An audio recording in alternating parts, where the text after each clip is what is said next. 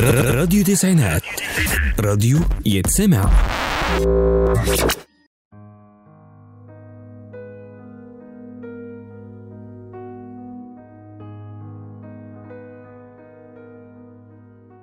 يسعد أوقاتكم مستمعينا الكرام. معكم إسلام نعيم في برنامج أحلى الكلام مع إسلام. النهاردة هي رابع حلقة عن إزاي تكسب الأصدقاء وتأثر في اللي حواليك. هنتكلم عن أهم عامل لو تجنبناه هنخلق جو من الراحة في علاقتنا وهيكون في تناغم بين العلاقات والصداقات. عمرنا ما هنشوف مشاكل بالعكس هتكون في منتهى الجمال. طيب إيه هي العوامل اللي لازم نبعد عنها علشان نكسب نفسنا ونكسب اللي قدامنا؟ أهم عامل هو اوعى تجادل أوعى تقاوح مع حد حتى لو أنت صح. هحكي لكم حكاية توضح الفكرة. بعد الحرب العالمية الثانية وبمناسبة رجوع أحد القادة العسكريين سالما أقام أحد أصدقائه حفلا لتكريمه. وزي العادة صاحب الحفلة هو اللي بيقوم ويقول الكلمة بتاعته.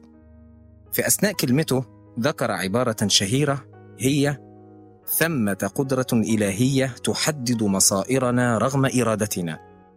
وزعم إنها من الإنجيل ولكن قام حد من الحاضرين وصحح له قائلا إن العبارة دي هي من أحد أعمال شكسبير. صاحب الحفلة هاج وأصر على إن كلامه إنه هو من الإنجيل فعلا. بالصدفة البحتة كان موجود في الحفلة أحد المتخصصين في أدب شكسبير. وكان المتخصص ده هو صاحب اللي اعترض وكان بيصحح لصاحب الحفلة المعلومة.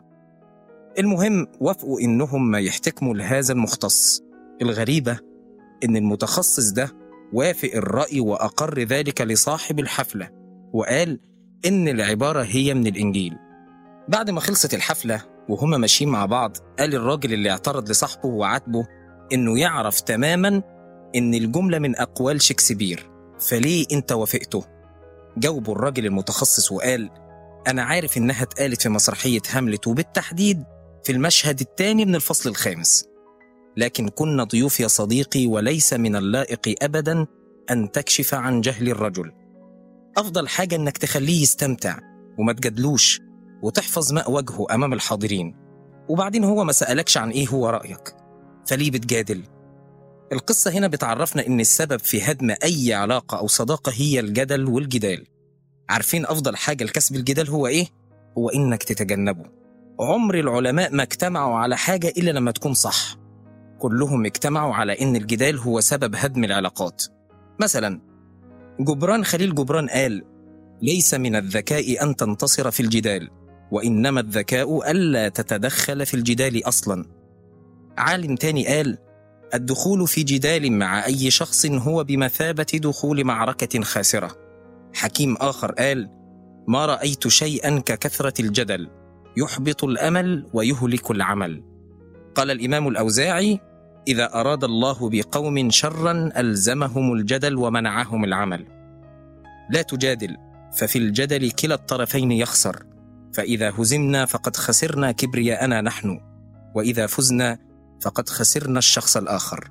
يعني الخلاصة هي هزيمة كل الأطراف اللي انتصر واللي ظن أنه لم ينتصر. نهاية القول اترك الجدال فطوبى لمن ترك الجدال ولو كان محقا. مستني تعليقاتكم وآرائكم عن الجدال والجدل وهل حصل ده معاكم قبل كده ولا لأ؟ وبكده مستمعينا الكرام وصلنا لنهاية حلقتنا النهاردة في برنامج أحلى الكلام مع إسلام على راديو تسعينات.